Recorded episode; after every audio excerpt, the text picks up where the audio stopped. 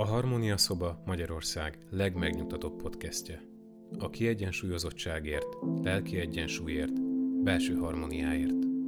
A mikrofon mögött bukta Tünde szakpszichológus, aki megosztja veled az emberi életben megélhető tudatos és tudattalan hatások magyarázatait.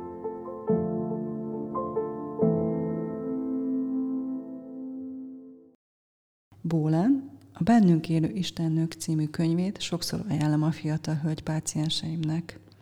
A japán származású amerikai pszichiáternő véleménye szerint könyvében a nő pszichológiájának egy új elmélete bontakozik ki. Egy új pszichológiai látásmód, amely során találkozhatunk örök női szerepeinkkel. A könyvben jellemzett hét istennőt három csoportba sorolja, amelynek tagjaira sajátos tudati jelleg, viselkedésmód és készítés jellemző. És a szerző véleménye szerint ahhoz, hogy egy nő élete során képes legyen értelmes munkára, mély szerelem átélésére, és arra, hogy kreatív és érzéki legyen, minden kategória istenőinek hosszabb-rövidebb időre szót kell kapnia a lelkében. Először azt gondoltam, hogy ismertetem az istennők fontos tulajdonságait és fejlődési lehetőségeiket, amikor azonban az Afroditéről szóló fejezetet olvastam, úgy döntöttem, hogy őt emelném ki a többi istennő közül. Ő az alkimista Afrodité, aki egyedül birtokolja az átváltozás és átváltoztatás folyamatához szükséges mágikus hatalmat. Számomra a könyv legmeghatározóbb mondani valója, Afrodité négy feladmánya, amely mind szimbolikus értékű, és a jungiánus gondolkodók a nő lelki fejlődésének analógiájaként dolgozták fel ezt a mitoszt. Minden feladat megoldásához olyan képességekre van szükség, amelyet egy nőnek önmegvalósítása érdekében ki kell fejlesztenie magában. Minden feladat az animusszal, a női lélek tudattalan férfi részével van összefüggésben. Miről is szól psziché mítosza? Psziché egy gyönyörű halandó királylány volt, akire Afrodite igen féltékeny lett, mert második Afriditének mondták, és ez sértette az istennő hiúságát. Ezért aztán meghagyta fiának, Ámornak, hogy keltsen szerelmet a királylányban egy szörnyeteg irányt. Az Isten azonban maga is beleszeretett, egy csodapalotába vitte, és minden éjszakát vele töltött. A lány teherbe is esett. A férje megtiltotta neki, hogy a kilétét tudakolja, de psziché irigy nővére is sugallatára megszegte a tilalmat. Ámornak el kellett hagynia őt. Az áldott állapotban lévő psziché keserves kutatásba kezdett, és rájött, hogyha újra találkozni akar a hitvesével, ki kell engesztelnie Afroditét, és azért meg is jelent az Istennő előtt. Afroditő, hogy próbálja tegye pszichét, és éreztesse hatalmát vele, négy megoldhatatlan feladat elé állította mennyét, Ámor azonban párja segítségére sietett, aki végül bejutott a halhatatlanok közé. Psziché feleség, mint Héra, anya, mint Déméter, és természetesen szerető, mint Afrodité. A mítosz során lemegy az alvilágba, és visszatér onnan akárcsak Persefóné. A tanulság lényegében az, hogy a kapcsolatorientált nőknek ki kell fejleszteniük azokat a képességeket, amelyek a feladatorientált nők sajátjai. Az első feladata a magok szétválogatása volt. Afrodité egy terembe vezette pszichét, és egy óriási halom összekevert magra mutatva megparancsolta neki, hogy még az est beállt előtt válassza szét fajtánként a kölest, a borsót, az árpát, a mákot, a lencsét és babot külön kupacokba. A feladat megoldhatatlannak látszott, ám Ámor egy seregnyi hangját küldött segítségül, és a szorgos szegény állatkát szemről szemre széthorták a halmat, és minden fajtát külön raktak. Hasonlóképpen, ha egy nőnek fontos döntést kell hoznia, előbb szét kell választani egymástól a benne keveredő érzéseket, szempontokat, versengő vágyakat. Különösen bonyolult a helyzet, ha Afroditék ezen a dologban. A magok szétválogatása ilyenkor belső feladat, amely megköveteli, hogy a nő nagyon őszintén önmagába nézzen, és elválassza a lényegest a lényegetelentől, a fontosat a mellékestől, mielőtt dönt. Ha egy nő meg tudja állni, hogy egy zavaros helyzetben is kitartson, és ne döntsön, ne cselekedjék, amíg nem lát tisztán, akkor megtanulta, hogy bízzék a hangyáiban. Ezek megfelelnek az intuitív folyamatnak, melynek eredményei túlmutatnak a tudatos megfontolásokon. Egyébként az is épp oly könnyen lehetséges, hogy miután az ember tudatosan szétválogatta és logikusan fölmérte a dolgokat, és kijelölte a legfontosabbakat, a helyzet világos és egyértelmű lesz, és ez a döntés meghozható intuíció nélkül is. A második feladata az volt, hogy szereznie kellett aranygyapjú szálakat. Pszichének nem volt sok esélye, hiszen ezek a napkosok félelmetes bestiák voltak, hatalmas szarvaikkal naphosszat harcoltak egymással a mezőn. Ha halandó a közelükbe kerül, és megpróbál csak egy szálat is szerezni tőlük a drága szörzetből, biztosan összetiporják. Most egy zöld nátszál segített pszichének, azt sukta neki, várja meg a naplementét, amikor a kosok levonulnak a mezőről és elszélednek. És akkor a bokrokról összeszedheti a fennakadt szálakat.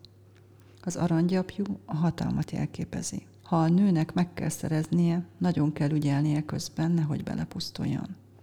Ha egy Afrodité vagy egy sebezhető arhetipusú nő kerül a versengés világába, ahol mindenki áldász küzdelmet folytat mindenki ellen a hatalomért, a pozícióért és az aranyért, vagyis a pénzért, megsérülhet, elveszítheti illúzióit, sőt lábbal taposhatják, ha nem okos.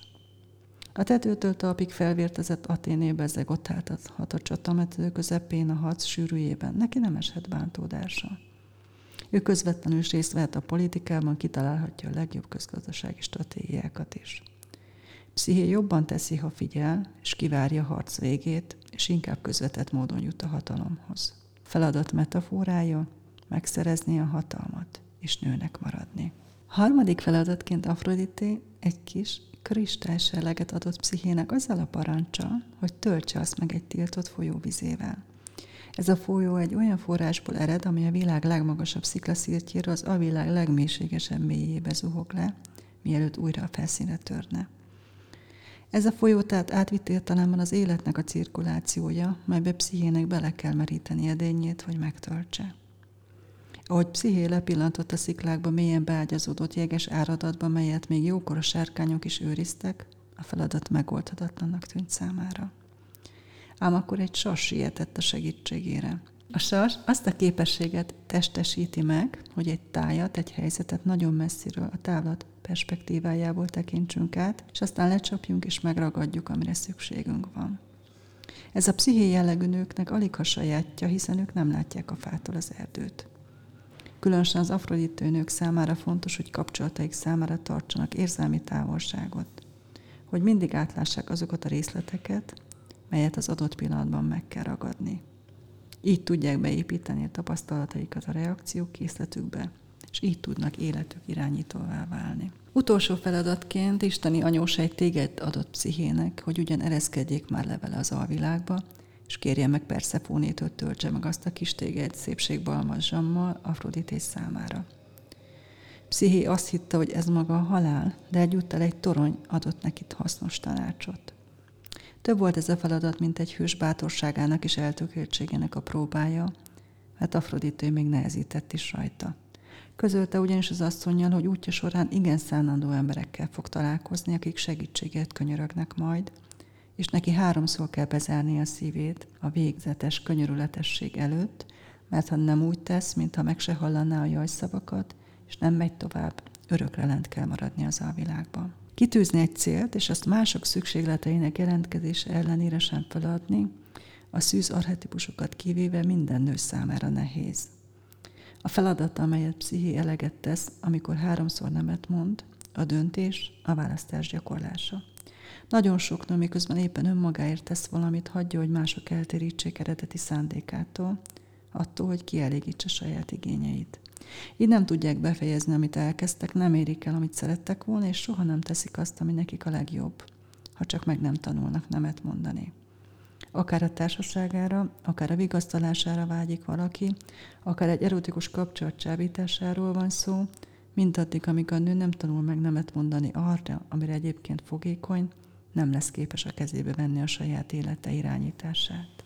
A négy feladat teljesítése során psziché fejlődik és méltóvá válik a halhatatlanságra. Kifejlődik benne a bátorság, a határozottság, ám annak ellenére, amit elér, alaptermészete változatlan, és ami érték volt, az értékes maradt számára. Mindent kockáztat a szerelemért, és győz. Ez az új pszichológiai látmásmód előnyeit így összegezte az írónő. Ha egy nő rá tud hangolódni önmaga különböző oldalaira, és meg tudja figyelni és érezni különböző értékeit, vetélkedő vonzalmait, akkor arra is képes, hogy felállítsa a neki legjobban megfelelő fontossági sorrendet.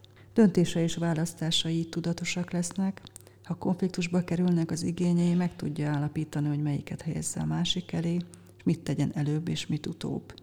Így a döntések nem végeérhetetlen belső harcot robbantanak ki, hanem feloldják a konfliktust. Pszichológusként nagyon fontos volt tudatosítani magamban, hogy aki hozzám fordul segítségért, a döntés előkészítésekor mindig el kell végeztetni pszichi első munkáját, a magok szétválogatását. Enélkül egyik úton sem talácsos elindulnia, hiszen amíg nem választották értékeiket és indítékaikat, nem rakják rendbe és sorba azokat, nem tudják, hogy milyen döntések állnak nyitva előttük, és hogy mi az az ár, amelyet egy döntésért még meg tudnak fizetni. És sosem felejtem el, hogy úgy támogassam a hölgyeket, hogy átélje az írőnő az ön gondolatát, hogy saját kibontakozó élettörténetében minden egyes nő főszerepet játszik. Én Bukta Tünde vagyok, és a Harmónia szobát hallottad. Jövő héten érkezem egy új értékes tartalommal, amely segítséget nyújthat neked abban, hogy harmonikusabb és teljesebb életet élj. Ha tetszett az adás, keres minket Spotify-on, valamint Apple Podcast-en, Facebookon és az Instagramon is. thank you